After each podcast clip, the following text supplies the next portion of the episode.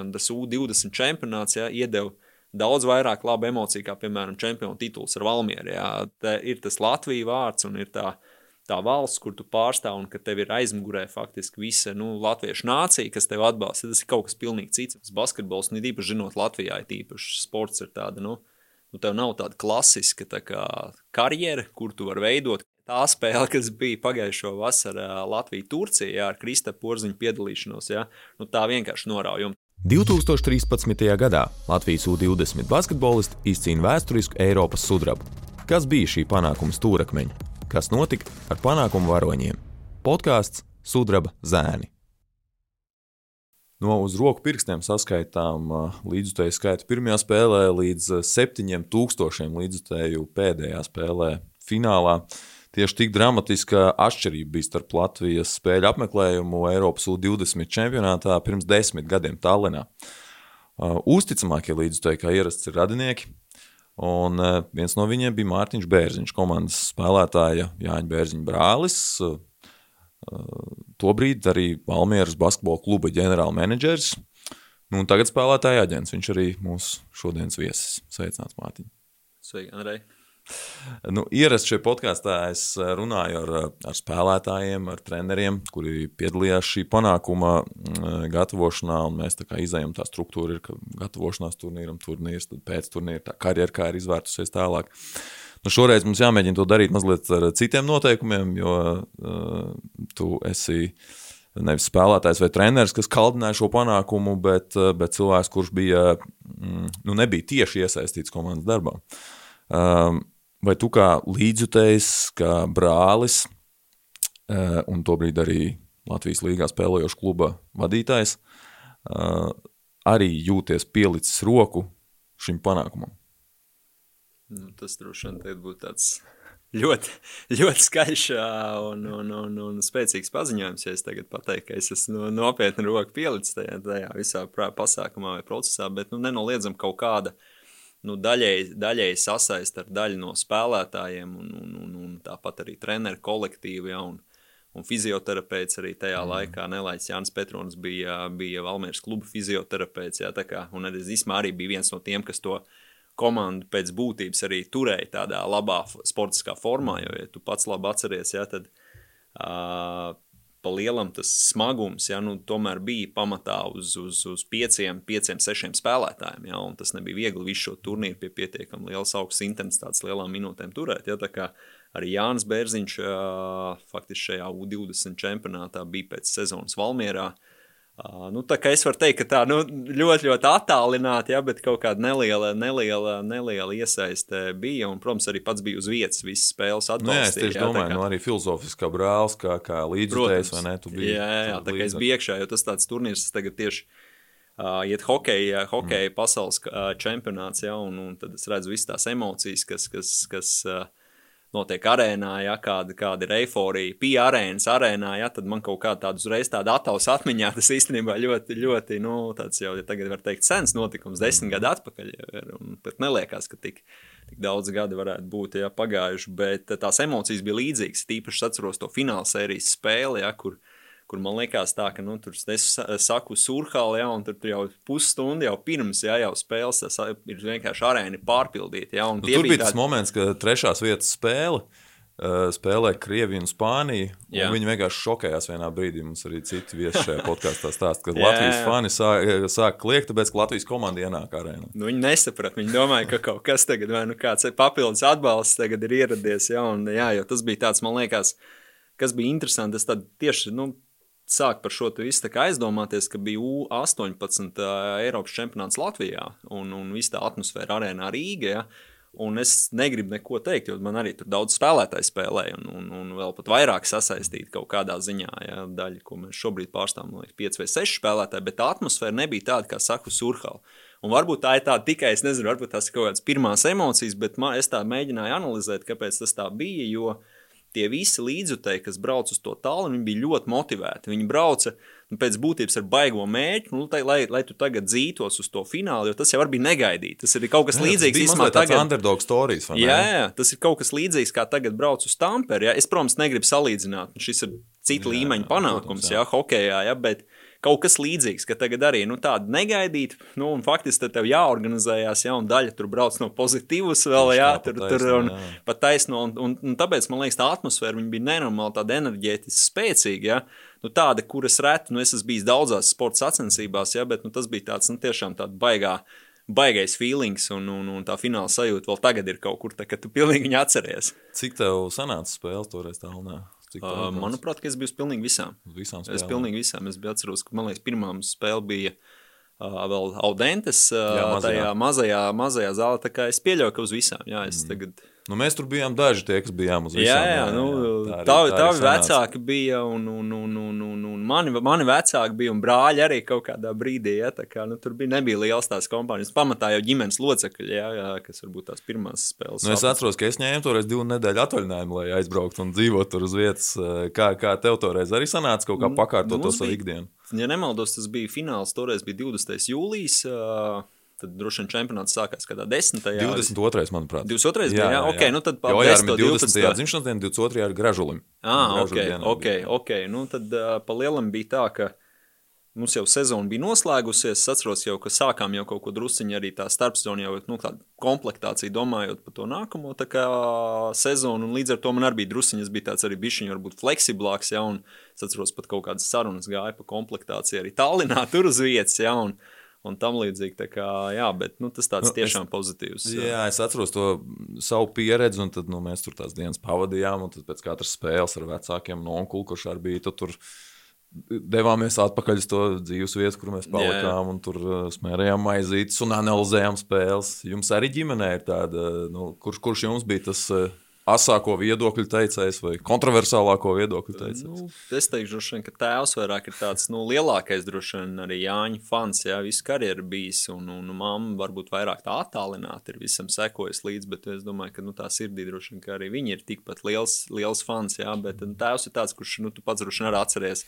ir sākot ar strīdu, jo tā ir tā paudze, ja, kuras es ļoti labi atceros, sākot ar strīdboliem, 3x3, kur, kur Valmieras tā komanda parasti ar brāļiem Bikšēm. Un, Jānis Bērziņš, un es neatceros, kas tur bija 4. vai 5. spēlētājs jā, pret, pret Ojāru. Pret Daugavas sportnamu. Daugavas sportnamu, Klaus Strasdiņš, jā, un viņi divi bija tā, nu, tie, tās komandas līderi, jā, un tad viņiem, man liekas, tas tā, tā, tas klāšs un tā sadursme. Un streetbolos tur jau tas... tie vecāki arī spēlē lomu, jā, jā, īpaši mazajās grupiņās. Viennozīmīgi. Tā kā, tā kā, nu, tāpēc arī es kaut kā es mazāk arī varbūt arī tajā laikā tur kaut kādā tajā basketbola pusē mēģināja augties, mēģināja izbaudīt tiešām tās spēles. Un, un, un, Klau, ja tu izbaudi un, un kā līdzutēs skaties, nu es atceros, mums bija viens tāds gadījums, mēs izgājām no veikala vienā no tām uh, dienām, uh, un mums uh, uh, nu, sanāca tā, ka uh, putns atstāja savu, uh, savu, savu mm, balto vielu, teiksim, nosauksim to tā, uh, virsū, un tad ir tas ticējums, ka nu, tas nes veiksmi vai uz laimi, mm -hmm. tad mēs toreiz nosmējām, nu jā, tad nesīsim to veiksmi komandai, un komanda beigās arī, arī tiek finālā. Tu tici veiksmēji tādos lielos panākumos sportā? Nu, droši vien, ka tādai tīrai veiksmēji bez kaut kāda, nu, teiksim, tā pamata vai ieguldījuma, nu, es gluži neticu. Es uzskatu, tāpat tev ir jābūt nu, kaut kādam noteiktam apstākļu kopumam, ja, un ja tas ir sports, un, un šajā gadījumā mēs par basketbolu, un šajā gadījumā par izlasi runājam, ja, tad tomēr nu, tev ir jābūt kaut kādai bāzei, tev ir jābūt kaut kādam noteiktam talantam, tev ir jābūt arī visai, sākot ar fizisko sagatavotību un, un, un, un teiksim, tā noteiktām komponentēm, ja, lai tu varētu arī, nu, teiksim, tā uz kaut ko pretendēt, ja, tā tā veiksme, protams, ka sportā nenoliedzama veiksme ir vajadzīga, jo, jo nu, tie momenti, un tāpat, ja mēs atceramies, mēs, nu, runājam, ok, pieskārāmies drusku fināla spēlē, ja, bet arī pusfināla spēle bija. Ja, bija ja, man liekas, viens punkts ja, ir uh, pret Spāniju, ja, kur. kur nu, iepriekšējiem 18 čempioniem. Jā, tieši tā, tieši tā. Un, un, un arī ar godīgi teikšu, labu, labu pietiekami jaudīgu sastāvu, kur daļa vēl spēlētāji tagad... šobrīd Barcelonā. Jā, un, un, un arī tagad uh, Danija Dies spēlē Baskonijā mm. šo sezonu. Haim Fernandes spēlē Tenerifē. Uh, Vīves spēlē Badalams Hoventutā, ja, kurš bija pirms tam arī Valencijas pamat, pēc būtības pamats saspēles vadītājs. Līdz ar to Sebastians Sainz Japānā vairākas sezonas, ja, un varētu mierīgi spēlēt arī ACB līgā. Tā kā, nu, tiešām respekt, nu, tāda respektējama komanda, nu, tu, tu pa lielam droši vien uh, tikai ar veiksmi kaut kādu šādu līmeņu komandu nevar uzvarēt, ja, un tur ir jābūt kaut kādam pamatam, bet, bet protams, ka tā sportiskā veiksme ir sportā vajadzīga, un, un, un, un, un, un, bet tai pašā laikā droši vien, viņi ir jānopelna. Nu, jā, jā. Nu, jā, vēl jau vairāk tad ir šis tā īsā rotācija, par ko jau tu teici, nu, 5, 6, 7 spēlētāji, skaidrs, ka tur ne jau veiksma beigu beigās nosaka tādā garā protams. posmā, kurš, kurš izcīna uzvaras. Jums ar brāli ir liela gadu starpība. Cik tu atstāja ietekmi uz to, lai Bonis izvēlētos basketbolu kā savu lietu? Nu, mums gada starpība ir tieši tāds pats periods, kāds ir pagājis šobrīd kopš šī 20 čempionāta, tieši 10 gadi. Es, manuprāt, vispār neesmu nekādu ietekmi atstājis uz viņa sporta veidu izvēli. Viņš pats arī jau no bērnu kājas. Mēs tagad tieši interesanti kaut kad, kaut kad neilgu laiku atpakaļ. Es biju aizbraucis pie vecākiem, es sāku pētīt tās basketbola, NBA basketbola kartiņas. Viņam vesela kolekcija, es viņas sāku kolekcionēt, bet pēc tam viņš pārņēma viņas. Ja, un, nu, redz? Jā, jā, tā kā, nē, nu, tāpēc, ja kurā gadījumā kaut kāda basketbola ietekme varbūt viņam nedaudz ir bijusi, bet nu, es nebiju tāds nu, teiksim, tā augsta līmeņa spēlētājs. Arī nospēlēja savu jaunatnes vecumu, jā, bet, bet es pieļauju, ka vienkārši tas ir kaut kā organiski tā rūjiena un, un, un, un, un, un pēc tam rūjiena Valmiera. Ja, Kas komentas, ir tas fenomens? Rūjienā Valmiera. Nu, tas, acīm redzot, ir kaut kāds. Uh, es pat teikšu, droši vien pats sākums ir tajā, ka varbūt arī citu sporta veidu nebija kā tādu, ja, tas basketbols bija tas pirmais, ar ko, ko faktiski nu, tāda jau, nu, ja tā var teikt, profesionālāk arī aizrāvās un, un mēģināja kā, virzīt kā, kā to galveno sporta veidu. Ja, un, un līdz ar to tās tradīcijas kaut kādas ir pakāpeniski veidojušās. Ja, un, un droši vien, ka Rūjienas sakarā noteikti arī cita izvēle baigā nebija. Ja, arī Bonim noteikti pa lielam no sporta veidiem, ko izvēlēties. Tā kā basketbols bija atrāviens, droši vien pirmā arī pirmā izvēle no opcijām. Uh, brīvajā laikā. Ja. un saldējums brīvajā laikā, ja, un, un, un jā, nu mēs esam bieži vien runājuši par šo, kas ir tas fenomens, ja, tas rūjienis. Tā kā, nu, varbūt arī saldējumi kaut kāda ietekme, un tāda dabiska saldējuma uh, ietekme ir arī kaut ko atstājusi to visu. Bet... Šai paudzei sanāca tā, ka visi U, jeb jauniešu čempionāti notika nu, tādā sasniedzamā attālumā, viegli sasniedzamā attālumā. Bija U16 Kaunijā, tad bija U18 Vloclavā, kā Polijā, ne, Vroclavā. Vroclavā jā, Polijā. jā. Un, un, un, un Tallinā U20 turnīrs. Vai tu brauc arī uz šiem iepriekšējiem turnīriem Polijā un, un Lietuvā? Es biju U16 čempionātā, kas bija Kaunijā. Es nebiju U18 čempionātā. Uh, Bet es ļoti tiešām atceros to pirmo, to U16, mm -hmm. jo, jo man tas bija arī tā, ka, ja, ja var teikt, tas bija ļoti lepns, ka brālis, nu tajā bija tas pirms parasti pirms šim čempionātiem ir Baltijas kausa, ja, un tad es biju ļoti lepns, man likās, wow, fantastiski, ka viņš ir ticis to Baltijas kausa kā kaut kāds iespējams tālākais rezervists, man tas likās, nu tāds, varbūt kaut kāds mans sapnis, ar kur, kur tas, protams, kā spēlētājs ne tu nerealizēja, ja, un man likās, o, super, ja, bet, nu tad, kad, viņš izcīnīja to savu vietu uz to Eiropas U16 čempionātu. Nu, es, man tā pat tā, es pat tajā brīdī īsti neaizdomājos, ka viņš varbūt kādreiz kaut kur spēlēs arī augstāk. Ja? Man liekas, ka varbūt tas U16 varētu būt tāds griezt, un tad ir obligāti jāaizbrauc un jāatbalsta brālis, ja? jo tas var būt arī tāds lielākais, iespējams, lielākais eh, basketbola notikums viņa karjerā. Ja? Un, Un tāpat jau daļa jau sastāv arī tas pats, sast, nu, teiksim, Jā, tā daļa protams. no šī sastāvā arī pēc tam spēlēja arī šajā U20 izlasē. Ja? Bet, bet es ļoti labi to atceros. Ja? Un, un, un tas bija tāds. Es arī biju visas dienas īstenībā uz visām spēlēm. Man liekas, nepalika tikai uz kaut kādām no tām pēdējām. Mm -hmm. nu, jā, toreiz, 93. gadi, šī, šī paudze, nu, viņi bija aizdzījuši tādus nepārāk skaļus jauniešu čempionātus. Solīdus tam laikam atbilstošus, tur nebija nekāda izlaiciena bijis līdz tam arī zēniem. Uh, U16 vecumā tā bija 9. vieta, divus gadus vēlāk 10. vieta, U18.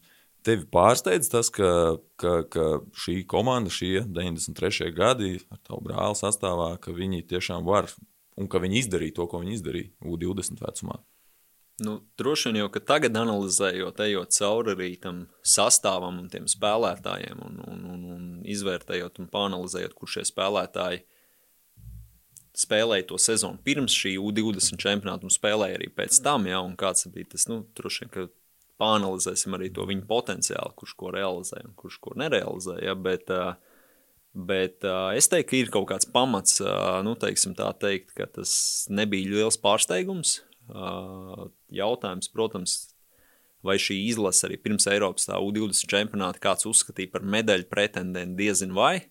Paši. Uh, jā, jā, jā, jā. Un, uh, nu, teiksim tā, nu, tur salikās, manuprāt, viss uh, iespējamais, scenārijs, iespējams labākais. Uh, arī ar kaut kādu, nu, kā tevis pieminētos, veiksmus palīdzību, nenoliedzami, jā, bet, bet tai pašā laikā arī nu, tie spēlētāji, arī, manuprāt, tas ir viens no tādiem, ja mēs izējam, panelizējam arī kopumā izlases, jā, kas vispār ir izcīnījuši medaļas, mums nav daudz, man liekas, ir pieci tādi gadījumi, jā, vai, vai četri vai pieci gadījumi, jā, kur ir uh, trīs ir sudraba, sudraba medaļnieki, jā, un tad ir divas, bronzes, man liekas, ir divas jā. bronzas, laikam ir, un, Un, un, ja mēs tā izējām pa tiem gadiem cauri, tad es varu teikt, ka šis ir viens no tādiem arī šobrīd atskatoties talantīgākajiem gadiem. Ja? Un, un es tā paskaitīju, vispār pāanalizējot faktiski šos visus medaļu, medaļu ieguvējus, ja? un, un paskatoties arī tagad pasaules, nu, paņemot kaut mm. pasaules kausa kvalifikācijas ciklu, ja? uh, tad faktiski nu, 14 spēlētāji ir nu, šie medaļu ieguvēji. Ja, tā kā vairāk kā tur sanāca tā, ka vairāk kā puse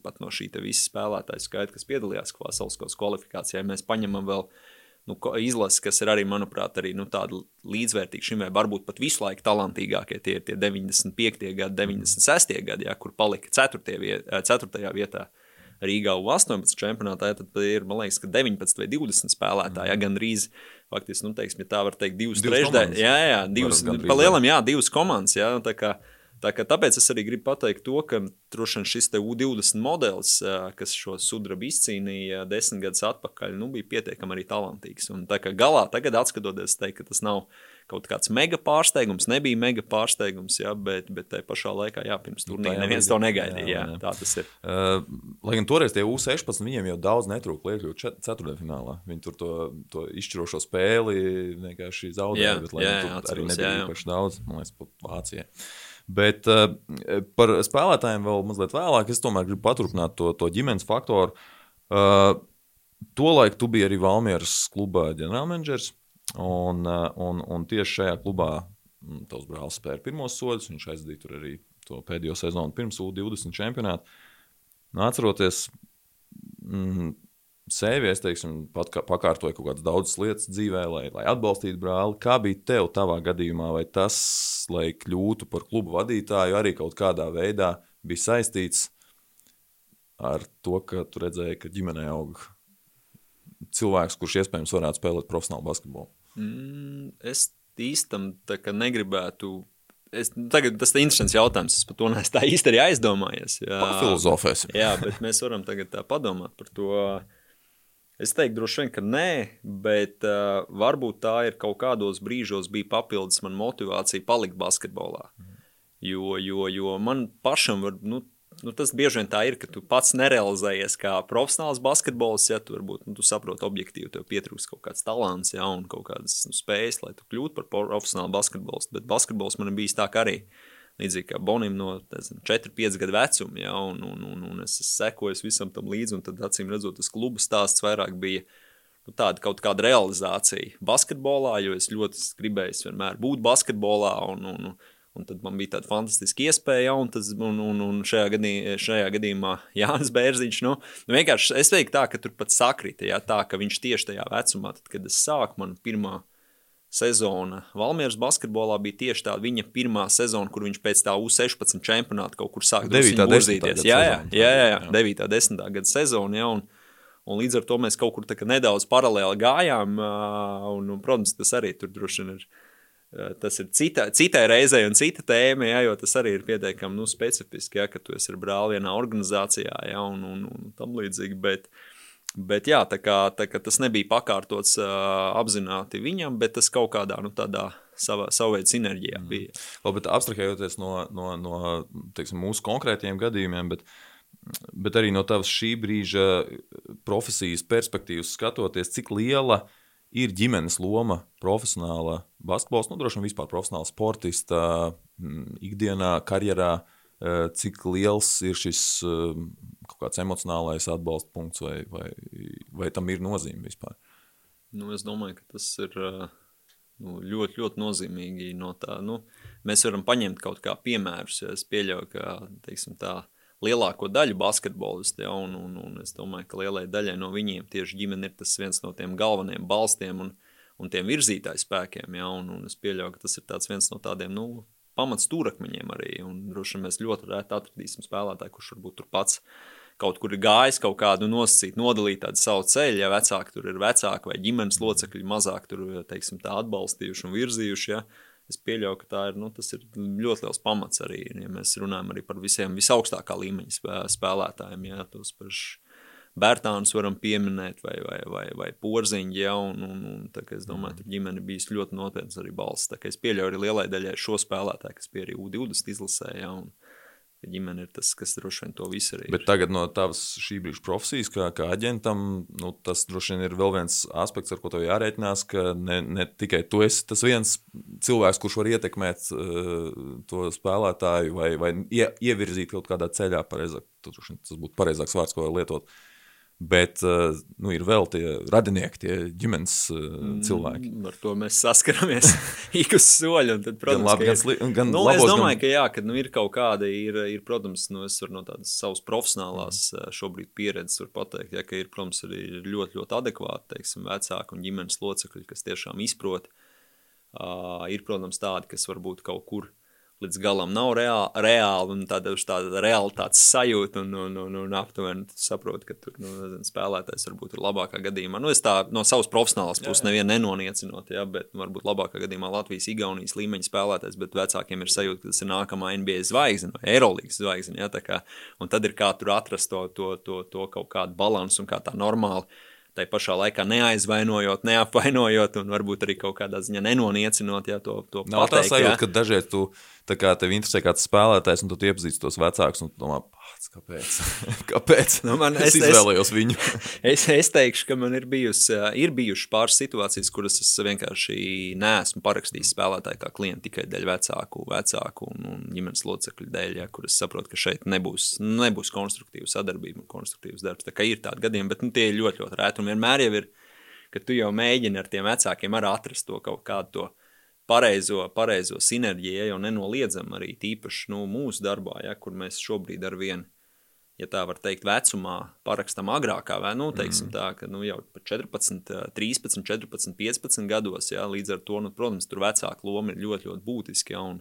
Arī tīri tehniski viņi jau paraksto. Jā, jā, arī viņi arī juridiski jā. ir šo spēlētāju dabiski aizbildņi, ja, un viņi arī juridiski paraksto līgumu, ja, tā kā, protams, kopā ar spēlētāju, bet, bet jā, tas ir tāds, nu, kas tev ir jāņem vērā un, un ir jāveido tiešām arī šīs attiecības, jo nenoliedzam ģimene ir liela loma, ja, un tad ir ļoti svarīgi, man liekas, pareizi arī pat, ja, ja pat ja vecāki ir ļoti, vai ģimenes locekļi ļoti ambiciozi un kaut kur varbūt kādreiz nepamatot ambiciozi tajā visā, ja, un, un, un, un dzīvo kaut kādā paralēlā realitātē, tad ir, nu, tas, tas mans uzdevums bieži vien ir tā, ka kaut kā mēģināt atrast to pareizo ceļu, kā, kā piezemēt un parādīt, ja, ka nu, nu, pišķiņi varbūt nu, mēs esam kaut kur aizvirzījušies, ne tur, kur mums vajadzētu virzīties. Tā, kā, jā, tā ir. Tā. Jo vienmēr jau Feināk ir pārspēt tās gaidas, vai ne? Nevis, nevis uzlikt protams, kaut ko milzīgu. Protams, tad... protams. Nu, Ziniet, kā ir kaut kāds, mēs jau mūsu darbu arī analizējam, un ir tās pieejas, droši vien ir divas. Ir, ir viena pieeja tāda, kas, nu, pilnīgi, nu, teiksim, tā iet visu laiku ar tādu, ka tu tur esi, nezinu, tur visaugstākā līmeņa spēlētājs, un tev tur jābūt, nu, tāds bišķiņ tāds arī amerikāniskais stils, ja, un tu, un tad, tad noteikti tā, otra puse, ja, ka tu, aptuveni saprot to realitāti, tad ir milzīga vilšanās, tad ir mm. milzīgs kaut kāds kritiens un tam līdzīgi. Ja? Un tad ir otra atkal tā daļa, kas bieži vien nepatīk vecākiem un spēlētājiem, ka tu esi tāds nu, pietiekami realistisks, pragmatisks, nu, būvējam pakāpeniski, ja, un, un neķeram varbūt pa augstu, neskrienam pakaļ tur skaļiem nosaukumiem, ja, ka bieži vien arī vecākiem mēs tagad, es pat arī, nu, šī brīdī saskaros ar e, e vairākām situācijām, ja, kur kur aptuveni vecākiem tā, ka nu, tur dzird to skaļo klubu nosaukumu, un tā, ka nu, aptuveni tūlīt kravājam somas un jābrauc. Bet es saku, nē, nē, tā nebūs šobrīd pareizā izvēle. Jā, ka mums ir, mums ir tā skrupulozi jāizvērtē tie, tie, tie nākotnes scenāriji. Jā. Tā, ka, nu, tas, tāds, tas tāds ir ikdienas, ikdienas process, jā, kurš jā, nu, teiksim, ir jāmenedžē. Klaus, ielikšu atpakaļ personiski tavā gadījumā un tavu brāļa gadījumā. Mm, jo nu, viņam ir nācies karjeras laikā cīnīties ne tikai ar pretiniekiem, bet arī ar veselības līkstām. Uh, ko profesionālam sportistam, basketbolistam nozīmē trīsreiz pāraut krustveida, sēdz, droši vien es prasīšu viņam pašam. Bet mm. tev, kā, kā, kā brālim, kā šajā laikā, teiksim, kas ir tas kaut kāds atbalsts, ko tu vari sniegt, um, kaut kādas pārdomas, pārunas, dzīves prioritātes varbūt jāpārvērtē? Nu jā, tu jau pareizi minēji Droši vien, ka vienreiz uh, saraut krustuniskās saites ir, nu, ir spēlētāji, kas arī pēc šādiem gadījumiem beidz karjeru, ja, un, un, un, un nav vienkārši nu jau, nu jau atgriezties. nu, tagad ir pagātnē, mazāk, bet bet, jā. ir arī vēl tagad arī tādi pāris, pāris gadījumu situācijas, ja, bet, uh, bet divreiz vai trīsreiz, ja, un trīsreiz tīpaši, un vienu un to pašu celi, ja, tad, uh, nu, tad, protams, ka ir bijuši kaut kādi arī Jānim pašam, un arī ar mēs esam kopīgi arī runājuši, ja, ka varbūt tā ir kaut kāda zīme, ja, ka tas, tas basketbols un, un, un, un tā ir kaut kāda zīme, ka tā profesionāla karjera nu, ir varbūt kaut kur jāvirza nu, kādā citā virzienā, ārpus basketbola. Ja, bet, bet tajā pašā laikā es teiktu, tā, ka. Un tīpaši arī pēc tās trešās reizes, kur arī likās tā, ka nu, tagad ir jau. Nu, jo tas nav, protams, ka tas ir emocionāli ļoti smagi. Ja, un, un it īpaši viņa gadījumā, ja tas vēl toreiz bija, tā bija gatavošanās uz uh, Izlases 2017. pārbaudas spēle, gada Eiropas čempionātu. Ja, un, un pie Aināra Bagāts, kas domāju, viņš bija tāds nu, viņa stila spēlētājs, un viņam bija pilnīgi reāli skatoties tās pozīcijas. Viņš pat varēja tikt uz Eiropas čempionātu 2017. gadā, ja, un viņš tieši pārbaudas spēlē Somijā. Ja.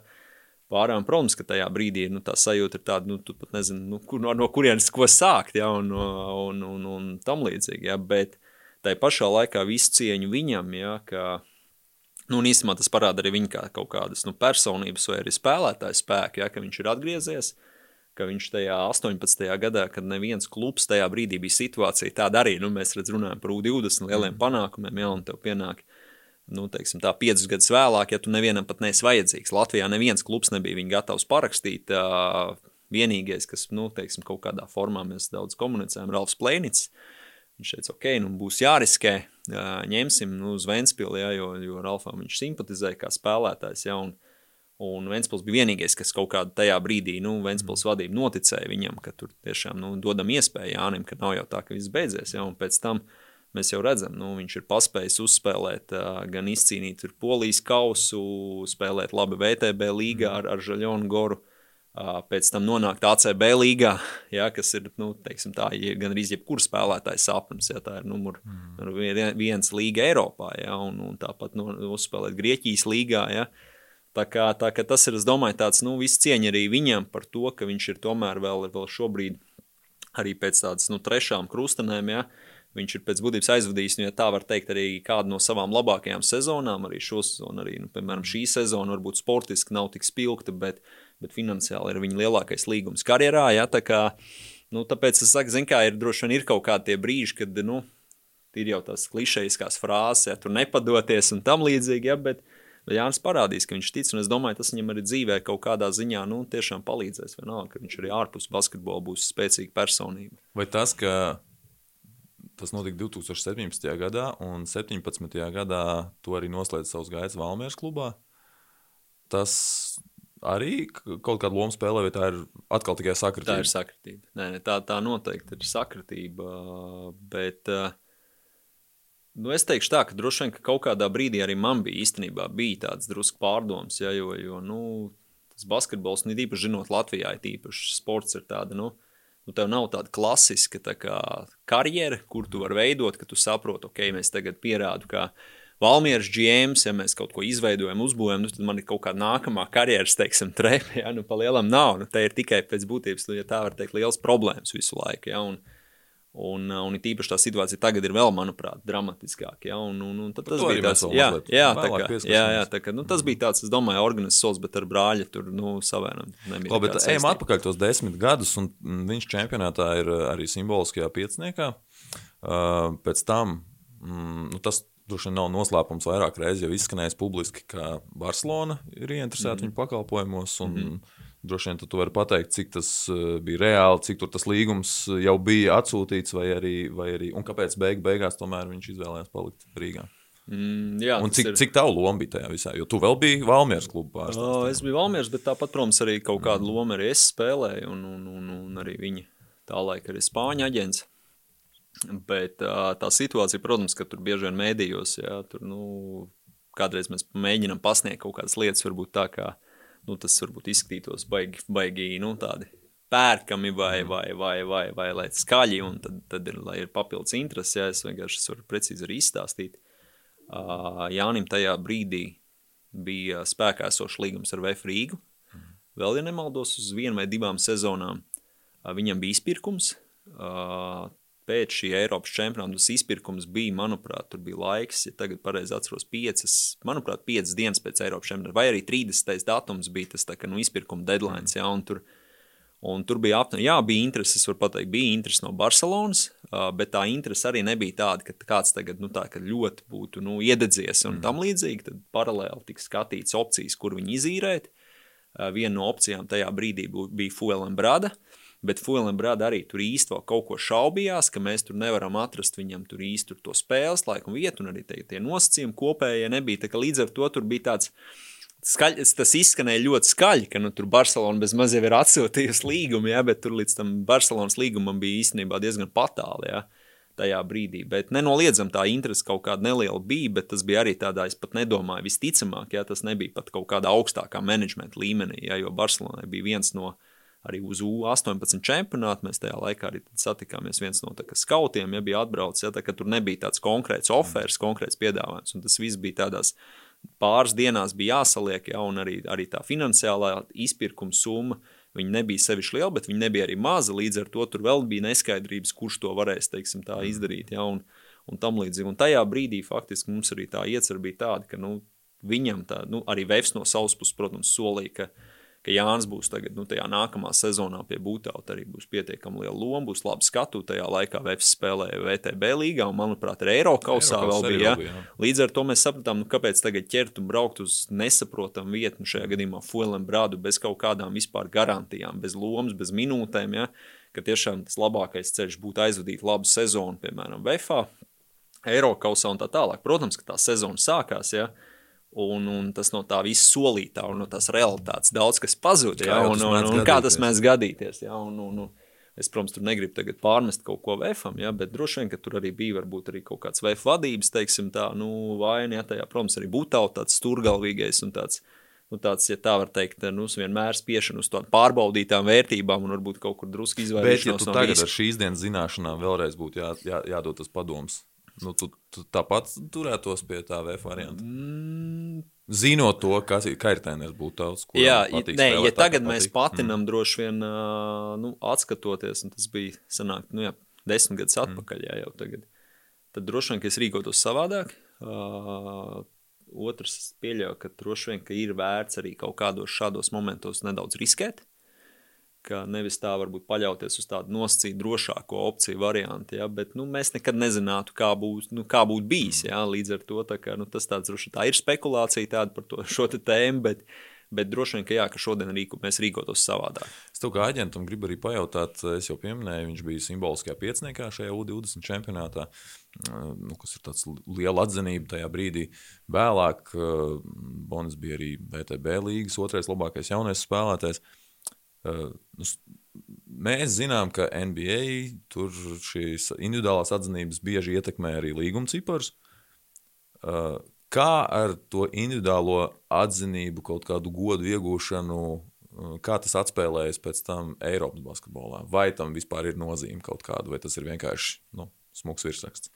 Nu, jautājums uh, droši vien ir par mērogu vai turnīru, kurā tu nu, iegūsi šo atzinību. Ja? Nu, protams, ka U20 simboliskais piecinieks viennozīmīgi, ka tev palīdz un tu esi pamanāmāks un, un tu vari nu, teiksim, tā, to spēlētāju nu, teiksim, tā papildus vēl nopozicionēt. Ja? Tas ir kaut kāds tāds teikt, rādītājs vai kritērijs, kur kādam klubam varbūt rodās vēl tā papildus interese. Ja? Un, un tam līdzīgi. Jā, vai nu, tāpat nu, VTB, es teiktu, droši vien tas nu, jaunā spēlētāja tā balva, ja, kur viņš palika otrais. Ja, nu, tur, Tur, protams, arī mēs varam diskutēt, tur arī savu politiku, ja, un tur, tur viņiem vienmēr bija vajadzīgs vairāk, lai tur tas krievu spēlētājs ir, teiksim, ar to. Uh, jo man pēc tam atstāstīja arī tās balsojuma aizkulisēs, bet es nedomāju, ka tas ārpus kaut kur, nu, teiksim, tā Eiropai nu, kaut ko nu, ļoti palīdzētu. Tāds neliels plusiņš tas ir, jā, ok, protams, tajā VTB līgas tirgu, jā, tas tevi nu, kaut kādā mērā arī kā trusiņi arī pacēla, jā, bet, bet nu, tas nebija tāds liels, liels faktors, jo es atceros arī tā sezonu, tā, manuprāt, bija ja nemaldos, 15. 16. gada sezonu. Un, un tad, kad Valmiera izcīnīja čempionu titulu, Leps palika otrajā, ja, un, un, un, un, un, un arī Jānis sastāvā. Un pēc tās sezonas viņš parakstīja Itālijā, sērijā ar Olandinu un Olandinu basketu. Un nebija tā, ka es ļoti tieši to vasaru arī atceros, ja nebija tā, ka tur mums būtu baigienu kaut kādu super piedāvājumu, super intereses. Ja. Uh, bija atsevišķi tur taustīšanās noteiktās līgās, noteiktās vietās, jā, un, un, un, un, un, un līdz ar to mums tā izvēle nāca par labu Itālijas sērijai, kur, kur piedāvāja labu, pietiekami labu lomu, ja, un, un, un tam līdzīgi, bet, bet uh, es atbildot uz, uz to mm. savu sākotnējo jautājumu, es nedomāju, ka šīs balvas uh, nu, iedod kaut kādu nu, milzīgu pievienoto vērtību, bet tas ir neliels plusiņš. Jā. Nu, protams, ja tu esi MVP vai simboliskais Alstāra piecinieku spēlētājs šeit pat Latvijas, Igaunijas līgā, jā, nu, tas, tas tur baigo, baigo nu, teiksim, tā superloma nekur nespēlē. Mm. No šīs uh, U20 komandas astoņi spēlētāji joprojām turpina pelnīt maizi, jeb spēlēt profesionālu basketbolu. Um, tikpat tieši tie paši ir izgājuši laukumā vismaz vienā spēlē arī Latvijas valsts vienībā. Uh, Eh, nu, manuprāt, tas ir izcils rādītājs no vienas, no vienas izlases, no viena gadījuma. Kas, tavuprāt, ir tas skaidrojums, kāpēc tieši šī paudze izrādījās auglīgāka profesionāliem sportam nekā, nekā citas?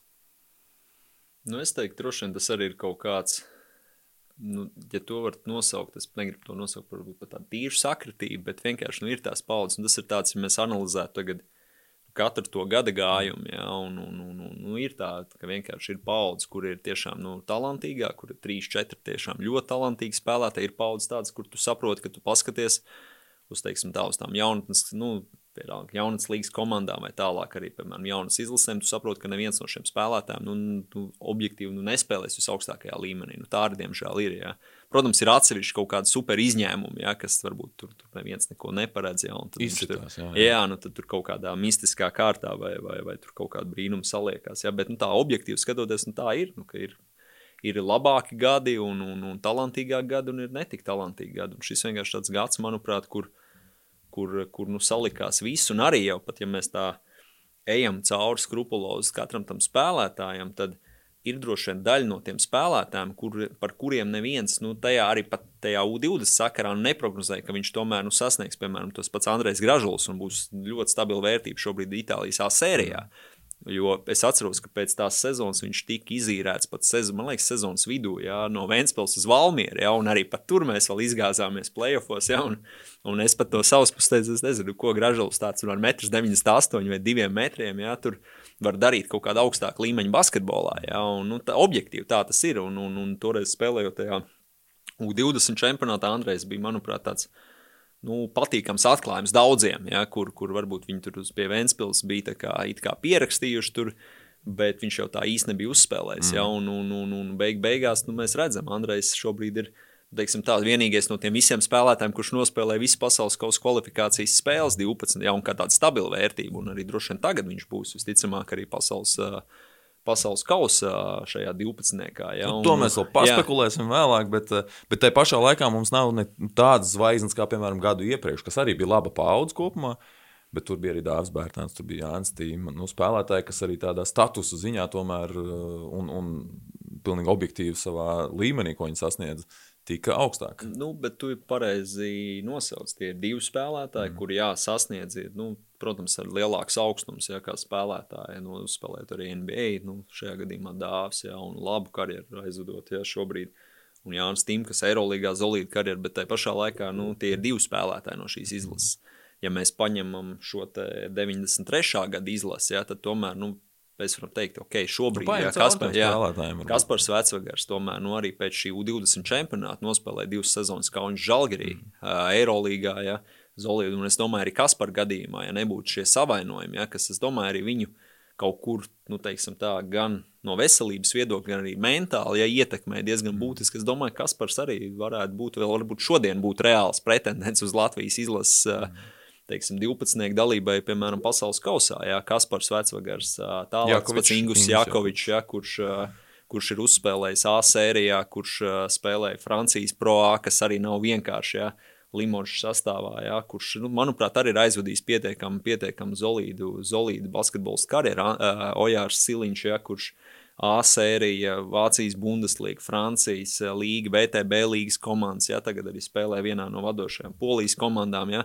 Tā kā ja mēs nu, tā izējām no pieciniekam, arī Toms Lēmans pēc būtības. Viņš toreiz spēlēja maz. Viņš, nu, viņš gandrīz tāds... vispār nespēlēja. Jā, nu, gandrīz, liekas, jā, viņš, jā. Pat finā, divās spēlēs neizgāja vispār laukumā, arī finālā toreiz. Un, Un tagad redzam, nu, Toms spēlē Latvijas izlasē šajā bankī modelī, ja, kur, kur varbūt arī nu, teiksim, tas bankī stils pamainīja kaut kādu kursu. Ja, jo, ja, piemēram, nu, Ingus Jakovičs varbūt pie Roberta Stelmacher bija teiksim, tā, nu, tāda stabila vērtība, ja, tad, tad bankī nu, Toms Leimans faktiski, nu tā, ja tā var teikt, ne no kurienes uh, iedeva viņam iespēju. Viņš šo iespēju, manuprāt, fantastiski izmantoja. Šo sezonu viņš spēlē ļoti, ļoti labu sezonu, manuprāt, jo es viņam daudz arī sekoju. Viņš arī ir uh, mans klients, ja, un līdz ar to man tā, nu, tā padziļinātāk pasakoju arī viņa gaitā. Mēs studējām rindās, ja, un, un viņš aizved ļoti labu sezonu sportiski, ja, un, un, un, un droši vien, ka tajā brīdī, tajā U20 sakarā neviens negaidīja, ka Toms Leimans uh, nu, spēlēs pēc tam tiešām tādās nu, zolīdās, zolīdās klu, organizācijās, zolīdos klubos, ja, vēl, vēl jau šobrīd, es domāju, tas nav viņa, nu, teiksim, maksimums, vai tie vēl nav viņa griezti, ja, kā spēlētājiem. Ja. Tā kā tas pats Roberts Stumbrs, ja, kurš kaut kādos brīžos, iespējams, kāds jau bija norakstījis vispār, ja, ka tur, nu, tur labāk gadījumā tepat pa to Latvijas-Igaunijas līgu var burzīties, ja, nu, mēs paši redzam, ja, nu, fakti jau nemelo. Viņš sezonu pabeidza Itālijas A sērijā. Un, un, un, un, un, un arī tajā U20 modelī viņš bija faktiski nu, tālākais, viens no tālākajiem rezervistiem. Ja? Tā kā, man liekas, ka ja mēs tā izējām cauri tam, tam, tam sastāvam, tad, nu, tad pa lielam es teikšu, ka tāds, nu, droši vien, viens no visu, visu tādu laiku tādiem, nu, dziļākajiem sastāviem, ja, kas pēc tam arī aizvada pietiekami teiksim, spēlētāju karjeras, ja, un, un mēs kaut paskatāmies arī tajā pašā pasaules kausa kvalifikācijas ciklā, ja, nu, četri no viņiem spēlēja, es pat domāju arī, Ojārs Siliņš, Ingus Jakovičs arī būtu noteikti tādi spēlētāji, kas atbilst šim līmenim. Ja? Tā kā pa lielam ir seši spēlētāji, kas nu reāli varētu būt nu, spēlētāji arī šodien, teiksim, tādā nu, Latvijas izlases uh, teiksim, sakarā. Mm. Nu jā, tu jau pieminēji Andreju Gražulu. Nu, viņš aizdīja ļoti stabilu ciklu, tagad pasaules kausa kvalifikācijā. Un, ja mēs pasaules kausa kontekstā runājam, tad tai pašā laikā teikt, ka viņš šobrīd uh, var justies droši par savu vietu, 4. un 5. numura pozīcijā, nu, tas būtu pārdroši un droši vien nebūtu pareizi. Uh, ņemot vērā visus tos spēlētājus, kas ir pieejami, ja mums ir pieejami vislabākie mm. spēlētāji. Uh, nu, un tad mazliet tā ironiski sanāk, ka tas spēlētājs, kurš toreiz tajā U20 spēlēja, vai nespēlēja gan arī nemaz Toms Leimans, arī radušos apstākļu rezultātā šobrīd ir bez maz vai reālākais kandidāts. Jā, nu tāda tā, tā situācija ir. Un, un, un, un, un, protams, ka Andrejam nu, pie tā modeļa, kas šobrīd ir nu, 4. un 5. numura pozīcija, ja mēs paskatāmies, jā, kur ir, kur ir uh, Kristaps Porziņš, uh, Rolands Šmits, nu, Dāvs Bērtāns, ja, ne, ja banki neeksperimentēs un neliks viņu atkal 3. numura pozīcijā. Jā, tad vēl tur ir Mareks Mareks Meijeris jā, Andrzejs Pasečņiks, jā, tā kā nu, Klaus Čavars, kurš ļoti zolīdi izskatās kā, kā tāds, nu, labs, labs backup centrs, jā, un, un tāda stabila vērtība. Tā ka, protams, ka arī Andrejam nekas šobrīd nav garantēts, un, un tom sakarā, protams, ka ir kaut kāda tā situācija, ja, kur, kur šie savainojumi nu, objektīvi var pavērt viņam iespēju, ja, un iespēja tiešām tikt uz, uz pasaules kausa. Tā, kā, ka, nu, tā vasara vēl būs interesanta arī tā savstarpējā spēlētāja konkurence, attiecīgi arī nu, izlašu nometnes sakarā būs interesanti. Starp citu, kā aģents, tu jūti, nu, tu pārstāvi Latvijas basketbolistus, izlases basketbolistus, izlases kandidātus kaut kādā brīdī tu vari just arī to savstarpējo konkurenci eh, sarunās par, par izlasi?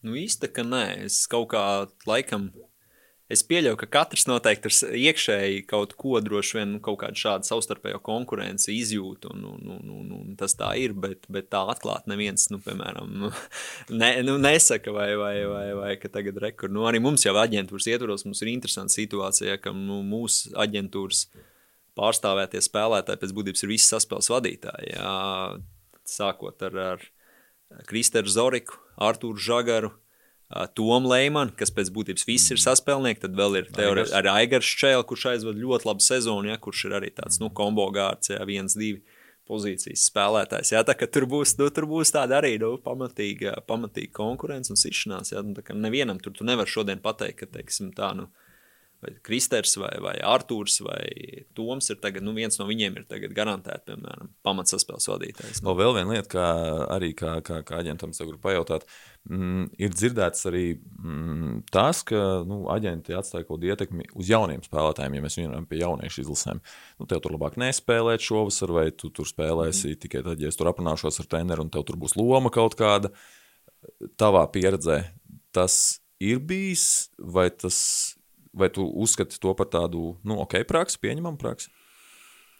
Nu, es teiktu, zin kā, kā man liekas, kaut kāda vēl bija viena saruna tāda tieši par šo tēmu, mm. tad, tad tas arī ir tāds vēl viens, manuprāt, tāds mīts, radīts, ka nu, tie aģenti ir tādi, kas aptuveni tur uzliek gan tur pieaugušās izlases sastāvā, ja, un tagad tur ietekmē, kur tad nu, tur paņemt, kur nepaņemt. Jā, es uzskatu, ka tas ir absolūts muļķības. Protams, es nevaru galvot ja, par kādu no aģentiem. Ja, ne, es domāju saiknē. vairāk par ietekmi nu, jaunajiem, vai bet, viņiem ir vajadzīgi. Jā, jā bet, bet jauno spēlētāju sakarā nu, es neesmu centies pirmkārt jaukties kaut kādās lietās. Nu, treneri, piemēram, izvēlēs, ja, un, un, un, un tam līdzīgi. Bet tai pašā laikā par to jautājumu, ko tu uzdevi par lomu un tam līdzīgi, ja, nu ir spēlētāji, protams, ka tev ir situācijas, kur, saprot, ir bijušas kaut kādas traumas vai kaut kādas, nu, teiksim tā, mikrotraumas, ja, kas ir jā, jāārstē, ja, ir kaut kādas veselības situācijas. Ir spēlētāji, kur, piemēram, ir gadu jaunāki, un konkrēti šobrīd ir tād, tāds arī, nu, konkrēts case, ja, spēlētājs ir gadu jaunāks,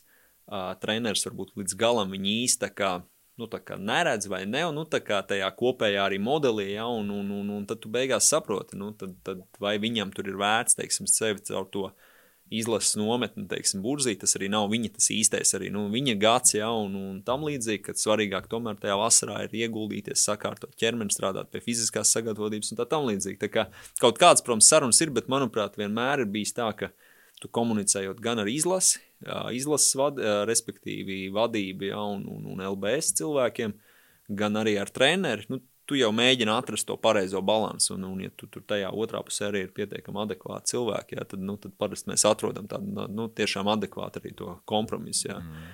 Bet nav tā, ka kāds kaut ko tur, teiksim, tā tur spiež vai apzināti tagad pasaka, nu tagad uj mums no tādas nezinu, mūsu kaut kādu biznesa viedokļu vai no tautu tāda nu, finansiālā kaut kāda nākotnes viedokļa, tagad ir izdevīgāk tagad šeit mm. nebraukt, nepiedalīties. Ja? Un, man liekas, tomēr valsts vienība ir valsts vienība un tās emocijas, ko iedod. Valsts vienība, ja, nu es arī es pats personīgi, man tas U20 čempionāts ja, iedeva daudz vairāk labu emociju, kā, piemēram, čempionu tituls ar Valmieru. Ja. Es to nevaru salīdzināt, tas ir kaut kas pilnīgi cits, ja, un tas droši vien ir tieši tas pats, kas tagad hokejā, ja aizejot šīm spēlēm, tas ir, ka tu te ir tas Latvijas vārds un ir tā, tā valsts, kur tu pārstāv un ka tev ir aizmugurē faktiski visa nu, latviešu nācija, kas tev atbalsta. Tas ir kaut kas pilnīgi cits, un tāpēc arī par izlasēm. Ja, Es, es zinu, un ir atsevišķi aģenti, jā, kas kaut kādas šādas spēles spēlē, bet man liekas, tomēr valsts vienība pārstāvēt eh, visos vecumos, vai tas ir 16, 18, 20. Es domāju, tas ir liels gods, un, un tā tomēr ir tāda, nu, tāda ja tā var teikt, tāda svēta lieta. Vēl viens tāds uh, mūžīgais stāsts par jauniem spēlētājiem, jauno spēlētāju saistībā. Un ko mēs varam kaut kādā veidā vilkt paralēlus arī ar šo U20 izlasi, uh, aizbraukšana prom uz ārzemēm jaunā vecumā. Jo šajā izlasē bija gan tādi, gan tādi spēlētāji, kā mēs redzam, beigās gan vieni, gan otri ir izveidojuši profesionāļu mhm. karjeras. Mm -hmm. Kaspars Vecugars Nojārs aizbrauc ļoti agri projām, citi veidoja šeit savu Latviju karjeru. Uh, Nu, arī tev šobrīd, kā aģentam, noteikti nāks sastapties ar šīm situācijām, un tu pats teikt, aizsūti spēlētājus projām Jā. uz citurienu, un citiem iesaka šeit palikt. Ir kaut kāda universālā recepte, eh, kas ir labāk, ko tu vari ieteikt spēlētājiem? Braukt prom vai palikt, ja nāk piedāvājums. Eh, braukt prom, ja ir piedāvājums, vai palikt? Nu, droši vien, ka kaut kādas tādas vienas unikālas receptes nav, un, un es arī nepateikšu, ja, bet uh, man tā filozofija, un, un tas bieži vien ir tā, varbūt kaut kur man ir tādā, rada tāda neliela konfrontācija varbūt ar LBS kaut kādiem uzstādiem un tā tālāk. Es uzskatu tā, ja tu esi spēlētājs, kuram tiešām ir reāla opcija aizbraukt nu, teiksim, tā, augt kā spēlētājam kādā no vadošajām basketbola sistēmām. Nu, man vairāk tas kurs ir bijis tāds Spānijas virzienā, ja. Un, ja tiešām tā ir, tā ir kluba sistēma, kur tu esi pārliecināts, kāds, kāds darbs tur notiek, ja, un, un tas jau ir gadiem teiksim, tā, pārbaudīts pēc būtības, ja, tad es uzskatu, tas ir jādara. Jo tur jau arī neviens jau neņem tos spēlētājus. Jo bieži vien lielai daļai ir tas priekšstats, es zinu, ka nu, no LBS vai no tur arī kāda vecāka saka, jā, jūs jau esat tie, kas tagad tur nu, sūta, tur kā treneri pārmet, ja, ka jūs tikai te visu sūtat uz Spāniju. Nu, tā jau nav. Nu, tur, tur varbūt tur viens viens spēlētājs, varbūt labākā, tādā nu, talantīgākā gadā, divi spēlētāji aizbrauc, jā, bet tas ir viss, jo tur jau var neviens negaida ar kaut kādām atklātām rokām. Ja, nu, tev ir jābūt visaugstākā līmeņa talantam, Tā pašā laikā arī nu, no kluba puses tur ir ļoti, ļoti liels investīcijas. Viņi jau var neriskēt tur ar aptuveni vākt kaut kādu masveidīgu, masveidīgu spēlētāju loku, ja, un tad nu, tur sanāks, nesanāks. Ja. Tur arī, protams, ir tāda skrupuloza atlase. Bet es esmu tās filozofijas piekritējis, ja tev ir iespēja aizbraukt, tad īpaši gadījumā, ka, ko es būtu skatos šis formācijas vecuma, tas slieksnis, ja, kur tu iegūsti arī šo lokālās valsts pilsonību. Un, ja tev ir iespēja augt, faktiski, nu, kā tagad es kaut kur paņēmu pēdējos divus piemērus, Adrianu Anģevu un, un, un Helmutu Petroviču, ja, kuriem tik, tikko bija pagājušā nedēļas nogalē beidzās Spānijas fināli, un abi tika top četrniekā, ja Adrians izcīnīja Spānijas čempionu titulu, ja, un uh, Helmuts uh, palika gan ceturtajā vietā, bet arī bija ļoti tuvu finālam ar Badalonas Hoventu, tad es teikšu tā, nu tas progress, ko es redzu jau tagad, paskatoties fināls un atceroties aptuveni gadu atpakaļ, ja, uh, nu, viņš ir tiešām ļoti, ļoti liels gan, gan vienam, gan otram spēlētājam. Jā. Protams, jāapzinās tas, ka, nu, ja tu šeit esi, tā kā Adriana gadījumā, gulbens līderis, jā, un, un, un spēlē tur neierobežot, un, un tev ir absolūta brīvība, tad, protams, ka tur ir kaut kāda limita, un gan minūšu skaits ziņā, lomas ziņā un vispārējais, jā, bet, bet tā attīstība un tas, nu, kur tu esi un kādā vidē tu esi un, nu, kādas, ar kādām komandām tu konkurē, ja, un ka tev priekšā ir faktiski arī tas, uz ko tu tiecies, vai tas ir Madrids Reāli, vai tas ir Badalonas lielais, nu, teiksim, tā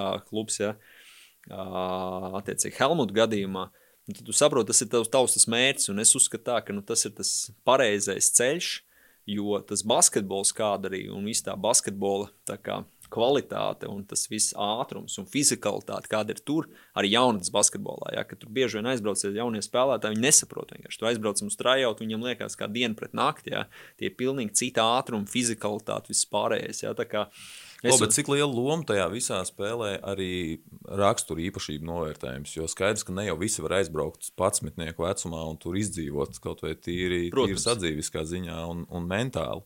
Nē, nu tas arī droši vien ir viens faktors, ja, kas ir jāņem vērā. Jo mums ir, nu, arī man personīgi ir bijuši gadījumi, kur, kur spēlētājs un pat netik jauni, šie jau ir tādi 15 gadīgi, jo nu, tas arī viņiem ir pēdējais vecums, lai šo pilsonību, Spānijas basketbola pilsonību iegūtu. Ja.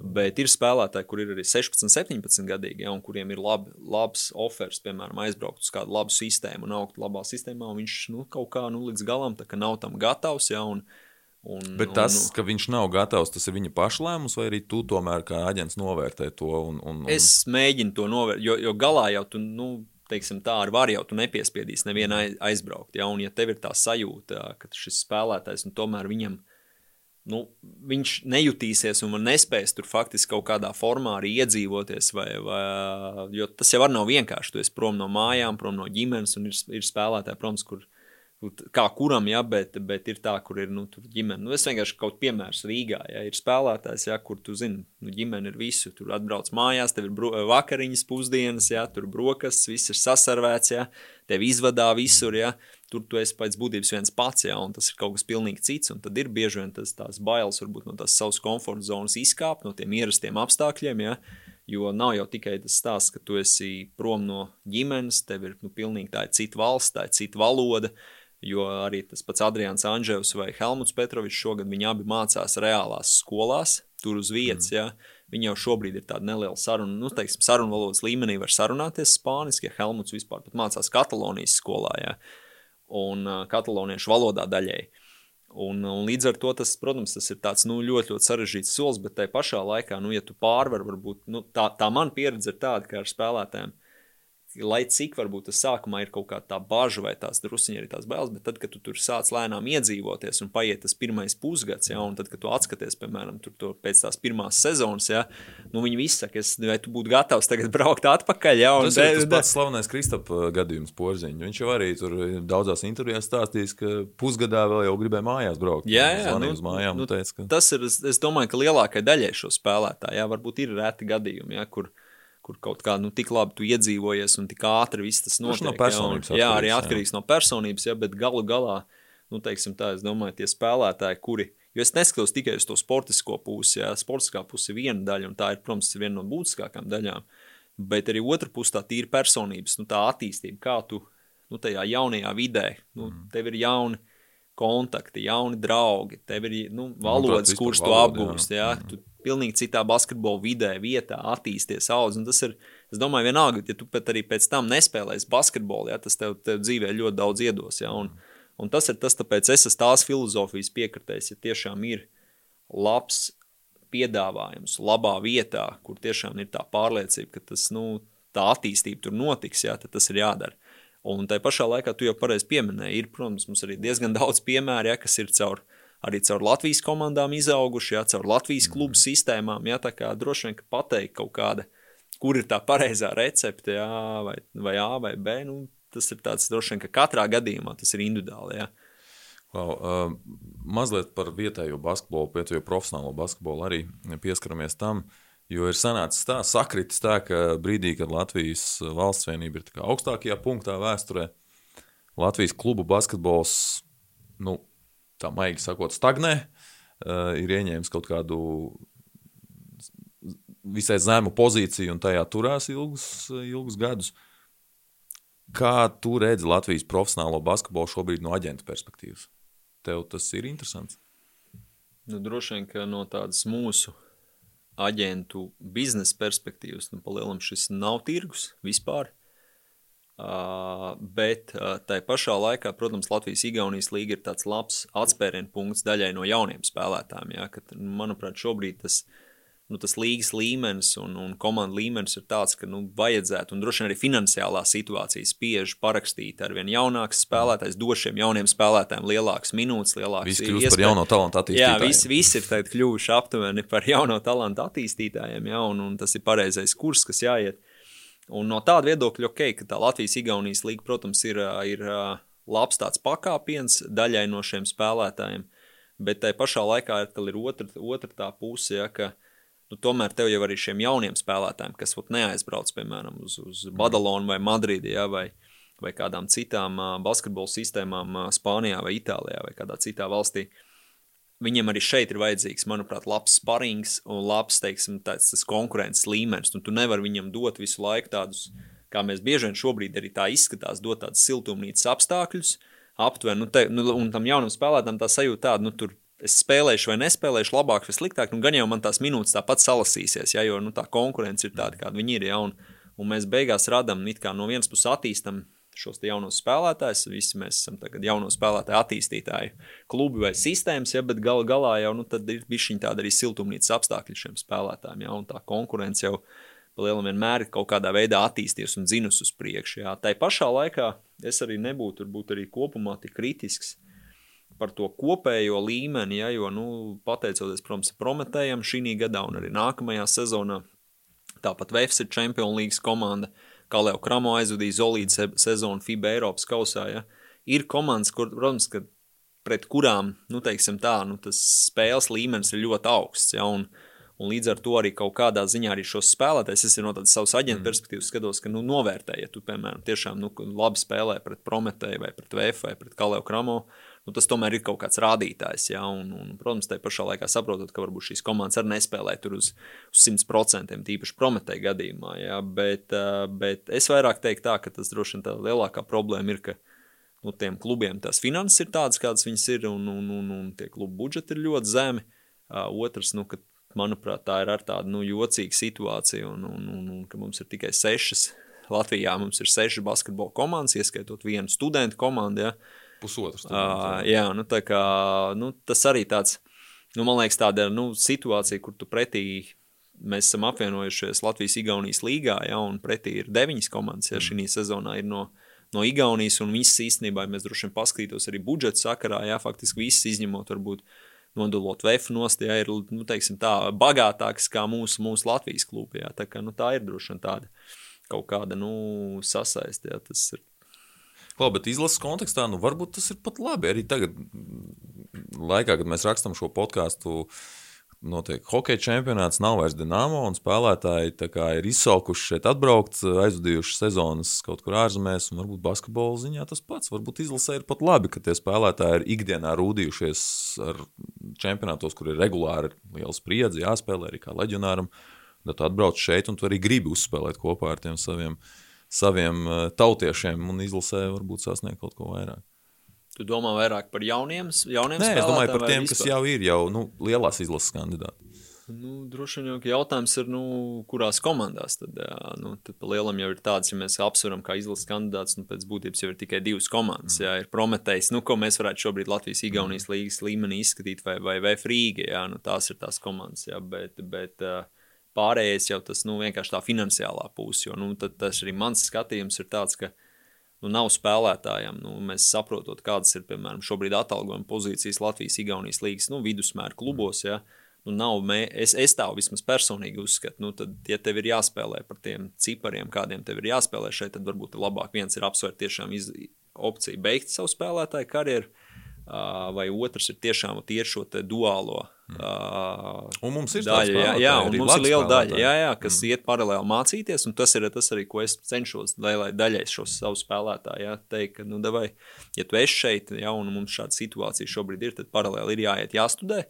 Un mums ir vairāk gadījumu, un ir pat piemēri tādi, ja, kur pat profesionāli spēlējas pats Andrijs Mišs, kurš ir uh, VF Rīgas spēlētājs, kurš tūlīt pabeigs arī biznesa vadību Latvijas universitātē, ja, un nekavējot nevienu treniņu un nevienu spēli. Ja, un tā, to var izdarīt. Un, un tāpēc droši vien tas ir tas modelis, kādā, nu, iespējams, arī mums ir līgas sakarā jāiet. Ja, Un varbūt ir vēl tie pāris punkti, ja, kā Jēlgava, piemēram, ja, kur arī ir, ir universitāte, ja, kur ir vēsturiskās basketbola Laba tradīcijas. halle, ja. neizmantot. Jā, pietiekami labi hāla neizmantot, jā, un ir tas potenciāls, jā, pēc būtības, nu, un, un pietiekami arī bagāta pašvaldība, kas arī var kaut kādā mērā arī druskuļi arī atbalstīt šo basketbola komandu, jā, vai klubu. Un līdz ar to tas droši vien ir tas pareizais modelis, jā, mēģināt atrast to kaut kādu to, to balansu starp, starp to izglītības pusi, jā, jo, jo beigās jau, nu, tur tiešām spēlētājiem būdam 27, 28 gadu vecumā spēlēt šeit, nenoniecinot, protams, to klubu līmeni, ja, un, bet spēlēt Latvijas Igaunijas līgā, nu, tad es domāju, ka ir jāsāk domāt arī par kaut ko droši vien paralēli citu. Klau, eh, pasaules kausa. Cik liela skatuve, cik liels darba lauks tas ir tev, kā aģentam? Tas, ka spēlētājs kaut vai vismaz kandidē uz iekļūšanu spēlēšanai pasaules kausā, vai arī pats jau spēlē pasaules kausā. Un te droši vien jāņem tīri tehniski tā nianses, ka pasaules kausa notiek septembrī, kad nu, mēs gribētu, lai lielākā daļa vismaz to spēlētāju jau ir parakstījuši līgumus. Vai tas, ka spēlētāji nonāk šādā lielā, lielākajā pasaules basketbola formā, tev arī palīdz tavā darbā? Nu, pilnīgi pareizi pieminēji to, ka droši vien tajā brīdī, kad notiks pasaules kausa, ā, es pieļauju, ka visi šie spēlētāji, kas būs izlasē, viņi būs līgums noslēguši. Un līdz ar to uz to nu, teiksim, tā sekojošo sezonu, jā, tad droši vien tas liela iespēja neatstās, bet noteikti, ka dalība pasaules kausā Latvijas izlases sastāvā šiem spēlētājiem, daļai no šiem spēlētājiem viennozīmīgi var, var palīdzēt, teiksim, tā nākamo līgumu sakarā. Ja? Nu, tur tas varbūt nav stāsts par Kristapu Porziņu vai, piemēram, Dāvu Bērtānu, ja? uh, iespējams, arī Rolandu Šmitu, ja? bet, bet, teiksim, tā lielai daļai šo nu, citu spēlētāju, ja? tā, tā, protams, tas ir milzīgs, nu, teiksim, tā sasniegums, pietiekami nu, skanīgs pieraksts, Un, ja vēl izdodas nu, solīdi noperformēt, ja, un iespējams, nu, kāpēc ne, arī kaut ko izcīnīt ar izlasi, protams, tas ir viennozīmīgi. Arī manā darbā tas ir tāds nu, kaut kāds papildus arguments, ja, strādājot ar spēlētāju, pozicionējot viņu. Tas sarunās droši, vien var, tas droši vien var dot to iespēju, jo es izvilku piemēru no mums arī sāpīgu piemēru no 2017. gada Eiropas čempionāta, kad Slovenija uzvarēja. Nu, labi, Dončičs tika draftēts, Dončičs ir Dončičs, viņš būtu tāds arī mm -hmm. bez šī čempionāta.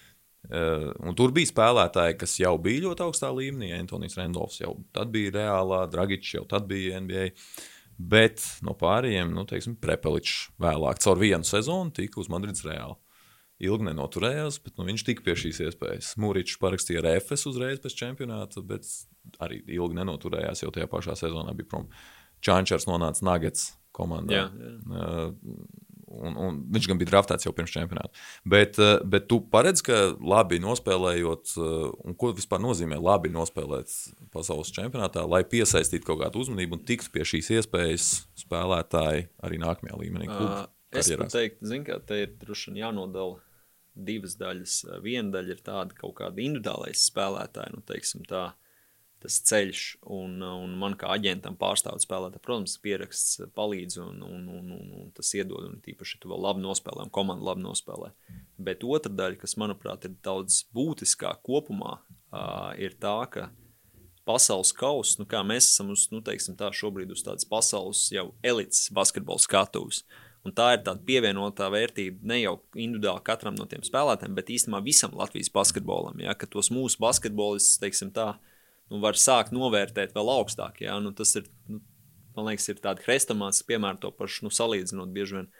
Latvijas basketbolu, Lietuvas basketbolu. Ja, un, un, un tagad tā situācija, protams, lēnām ir mainījusies, korģējusies. Ja, un, un, un, un īstenībā arī nu, mēs esam diezgan jau tā pietuvinājušies ja, tam vidējam Lietuvas basketbolas līmenim, un, un mūs arī tā uztver.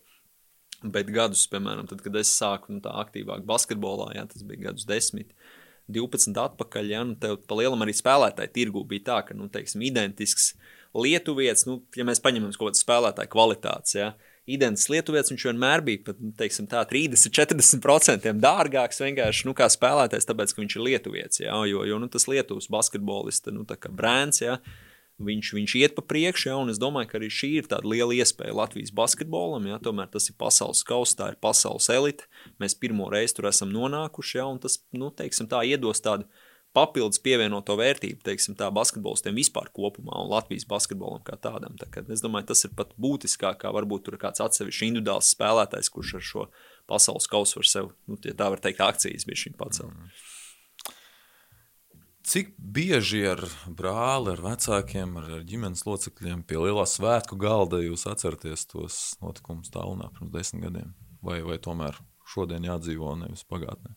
Mm, Laikam mēs tā, nu, ja, ja, ja tu man tā tagad uh, prasi, tad kaut kad mēs runājam, jā, pāris gadus atpakaļ par to un kaut kā atcerējamies. Ar Jānu mēs esam kaut kad arī pārsprieduši, jā, ka nu, tas tāds bija tāds, nu, uh, mega pacelājošs notikums, bet, nu, nav tā, ka mēs, mēs kaut kā laikam vairāk to uzturam, ka ir jādzīvo tagad, ir jāskatās nākotnē, nu, nevar dzīvot tur, uh, Tagad, vai arī spēlētājiem. Es domāju, arī tieši tas pats, arī ja mēs par Jānu Patu esam runājuši. Nu, tu nevari dzīvot tagad, ot, es biju tur tajā U20, tur es tur biju simboliskā piecinieks spēlētājs. Nu, es esmu, nu, tā ir kaut kāda tā mana spēlētāja vērtība. Nu, tā ir tāpat kā sportā, tāpat kā man liekas, šovu biznesā. Jā. Uh, tev ir tā, ka tev ir tas, ko tu dari tagad, un tad, kad tu, nu, tev nākamā dienā, nu, diemžēl jāpieņem, nākamā dienā tev aizmirst. Uh, Tas un, labs, jā, jā, labs bija pēdējā jā, spēlē. Jā, jā, un tas ir tas, tas man, manuprāt, arī kaut kā tā mana filozofija arī spēlētājiem ir, tu nevar dzīvot, faktiski, nu, veidojot savu spēlētāju karjeru kaut kādos pagātnes, nezinu, tur panākumos. Tas var būt kā tāds labs impulss tev, ja, bet nu, tu nevari tagad, tāpēc, ka es biju tad tur, nu man ir tagad jābūt tur aptuveni. Ja? Vai kāpēc man tur neviens tagad vairs neaicina uz interviju, ja? ka mēs taču tur redzam, tajā vasarā, tajā 2013. gadā, ja tur bijām nu, tādi galvenie varoņi, es biju sporta avīzes vāk, nu kam tas šodien ko izsaka? Nu nevienam, ja tur es pieļauju. Mēs liela daļa, nu varbūt tādi, kas ir basketbola cilvēki, to atceramies un zinām, ja, bet tāda plašāka sabiedrība, nu, tur, tur, kas, kas bija tajā 20. gadā, kas tur spēlēja, zina, kāds tur bērziņš vai tur vecvagars vai, vai siliņš, jā, tad, tā, ka, nu, es pieļauju, ka tas tāds, nu, tā, tā ir, nu, diemžēl iekārtots. Ja? Un tāpēc es arī sportistiem, es arī gan Jānim, brālim, es teicu to, gan, gan arī citiem, ja, ka tev ir jānovērtē šodien, kas tu esi, ka tev ir tāda iespēja dot spēlēt, ja, jo tu nezini, kas būs rītdien. Un tev ir jāizbauda tas tiešām tā, nu, tā spēle, tas basketbols, ja, un, un ja tev, teiksim, tā ir tas talants ir kaut kādā ziņā, nu, dots, un, uh, un tu esi tur nonācis, un tu tiešām nu, esi nonācis pietiekami labā līmenī, nu, tas tev kaut kādā formā ir jāizbauda un, un tas ir jānovērtē. Ja? Un, un dzīvot kaut kādās tur pagātnes, uh, vai arī tur nu, kaut kādu mega tālu nākotni zīmēt, jā, nu, tas arī ir droši vien, ka tā profesionāla sportiskā karjerā ir uh, pietiekami sarežģīti. Jo, jo tad, kad tu tajā dienā, kad tu beigsi, tic man, tu nākamajā, aiznākamajā dienā tu vairs nevienam nebūsi, teiksim, tā, nu, tur baigi interesants. Ja? Nu, tā tas ir diemžēl tajā mūsu pasaulē iekārtots. Vai tas, kā tu kā līdzjutējs um, atceries U20 panākumu pirms desmit gadiem, ir salīdzināms ar tām sajūtām, ko tu tagad vērojot Latvijas pieaugušo valsts vienību un nonākšanu pasaules kausā jūti? Nu, kaut, kādā, kaut kādas līdzības es kā, nu, kopumā sajūtu.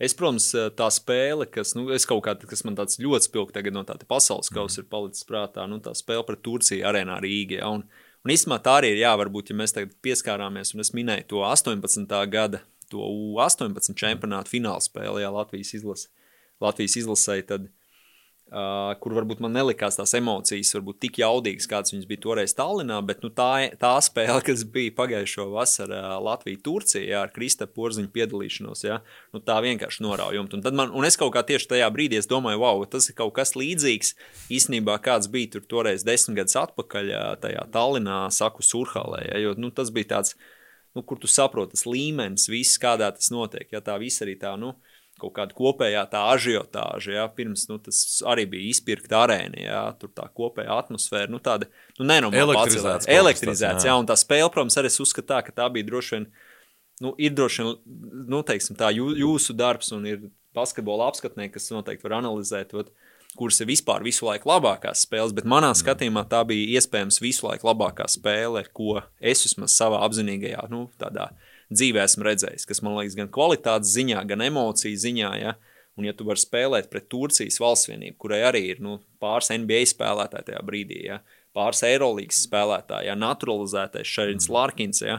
un mēs vienkārši pārbraucam pāri, ja? un viss tam tāds, ka nu, tā bezcerīgi, ja? tur tas viss nu, tiem turkiem izskatījās. Ja? Un tiešām tā bija ar tādu, ko, tāpēc, ja tu prasa par mm. emocijām, tad nu, arī šis pasaules kausa arī kā kvalifikācija. Ja? Un, protams, problēma varbūt ir tajā, ka Un tas jau ir tā, ir tā jau šobrīd jau senā tēma par tām FIBA un, un, un, un, un Eirolandes attiecībām, ja, un, un ka varbūt tie formāti, ja, ka tie vislabākie spēlētāji netiek. Ja, bet tai pašā laikā atkal, nu, varbūt šajā mūsu pasaules kausa sakarā, ja, ka varbūt tas pat bija arī teiksim, neliels pluss. Ja, ka mums arī tīpaši kaut šajos pēdējos ciklos bija mazāk šo Eirolandes spēlētāju, un faktiski nu, spēlēja daudzās labās līgās, bet nespēlēja tieši Eirolandā, ja, un mums šie spēlētāji bija pieejami. Ja, jā. Vai tas vai tavs brālis būs sastāvā, un cik daudz tavu pārstāvētie klienti būs eh, sastāvā, mainīs to, kā tu sekos līdzi? Nu, es esmu pārliecināts, ka mūsu klienti būs ļoti daudz šīs izlases sastāvā un šajā modelī, bet uh, labi, tas tāds varbūt drusciņi humoram. Uh, bet es nedomāju, ka tādos lielos vilcienos, kad kaut kāda man to sajūta vai noskaņojuma mainīs. Es domāju, ka Jānim noteikti būs ļoti grūti uh, konkurēt, un es pat nezinu, vai, vai Luka Banki viņu iekļaus kandidātu sarakstā. Ja? Uh, tā kā, nu, Nav man tāda šobrīd informācija vēl par, par vasaru, ja, bet nu, es domāju, ka viņš nav realistisks uh, kandidāts jau uz šo, uz šo izlasi. Bet es pieļauju, ka nu, teiksim, tā, tas kopējais, nu, ka mūsu klients būs kaut kādā nu, skaitā. Ja, tas, protams, ka radīs kaut kādu pastiprinātu interesi, protams, pasakot līdzi, ja, bet nu, tajā pašā laikā, pat ja tur būtu, nu, teiksim, tā vai nebūtu neviens no, no, no, no mūsu pārstāvētiem spēlētājiem, ja, Tas nenozīmē to, ka es nesakotu līdzi un neskatītos un nejūtu līdzi valsts vienībai. Ja? Tas būs tāds papildus, varbūt tāds kaut kāds emocionāls fons, ja? bet tajā pašā laikā es domāju, nu, tad, tad tā būs tāda liela iespēja un tāds fantastisks notikums, kas varbūt, ka nu, citreiz ja negribās tā teikt, bet varbūt arī mūsu tādā karjerā, vai nu, tas ir tāds, nu, viens no tādiem lielajiem, mega lielajiem notikumiem. Amerikāņi no, saka, once in a lifetime. Jā, jā, nu es ceru, ka tā tas nebūs un ka mēs vēl atkārtosim, ja, un ka varbūt šis ir tikai tāds sākums ja, kaut kādiem šādiem lieliem panākumiem. Un tāpēc es kaut kā tieši arī vakardien aizdomājos par to valsts vienību, un nu, tieši ho, hokeja valsts vienību, ja, un, un, un, un, un, un, un uzvar pār Zviedriju, ja, un, Un man liekas, tas ir tāds tiešām tas nācijas, tāds, ka mums ir jālauž tas kaut kāds tas šis te, nu, nu tāds bišķiņ, tāds zaudētāji, tāds loser kods, ja, ka mēs vienmēr kaut kur, nu, tā kā tiekam, bet kaut kur, ka vajag, vajag to, nu, Skaisti to, zaudē, jā, jā. kaut ko tādu, nu, to nākamo pakāpienu, tad mēs tur arī paliekam, ja, un ka man liekas, šis ir ļoti vajadzīgs, un es pat to, es arī uz hokeju, lai mēs tā kā, nu, konkurējam starp sports veidiem, ja, basketbols, hokejs, Bet es pat skatos uz šo hokeja panākumu kā tādu, ka tas ir tāds ot, tādai mūsu nācijai, vispār arī sportam kā tādam, ja, ka mēs reāli varam. Ka mēs varam arī šādas izšķirošās cīņas, ja, ka mēs, ot, mēs neesam tur tā piektā komanda, ja, kas bija 17. gadā Eiropas čempions, un arī pasaules kausā basketbolā. Ja, kāpēc, ne, nu, kāpēc mēs nevaram cīnīties par medaļām?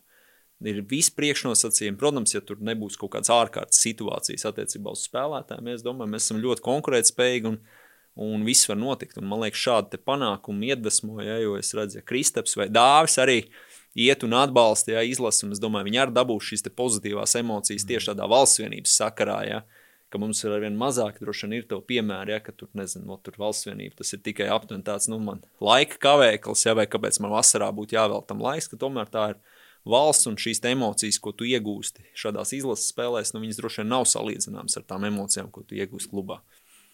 Paldies par sarunu, Mārtiņ. Paldies, ka uzaicinājāt. Podkāsts Sudraba zēni. klausies arī pārējās šī podkāstu epizodes un iesaki tās citiem.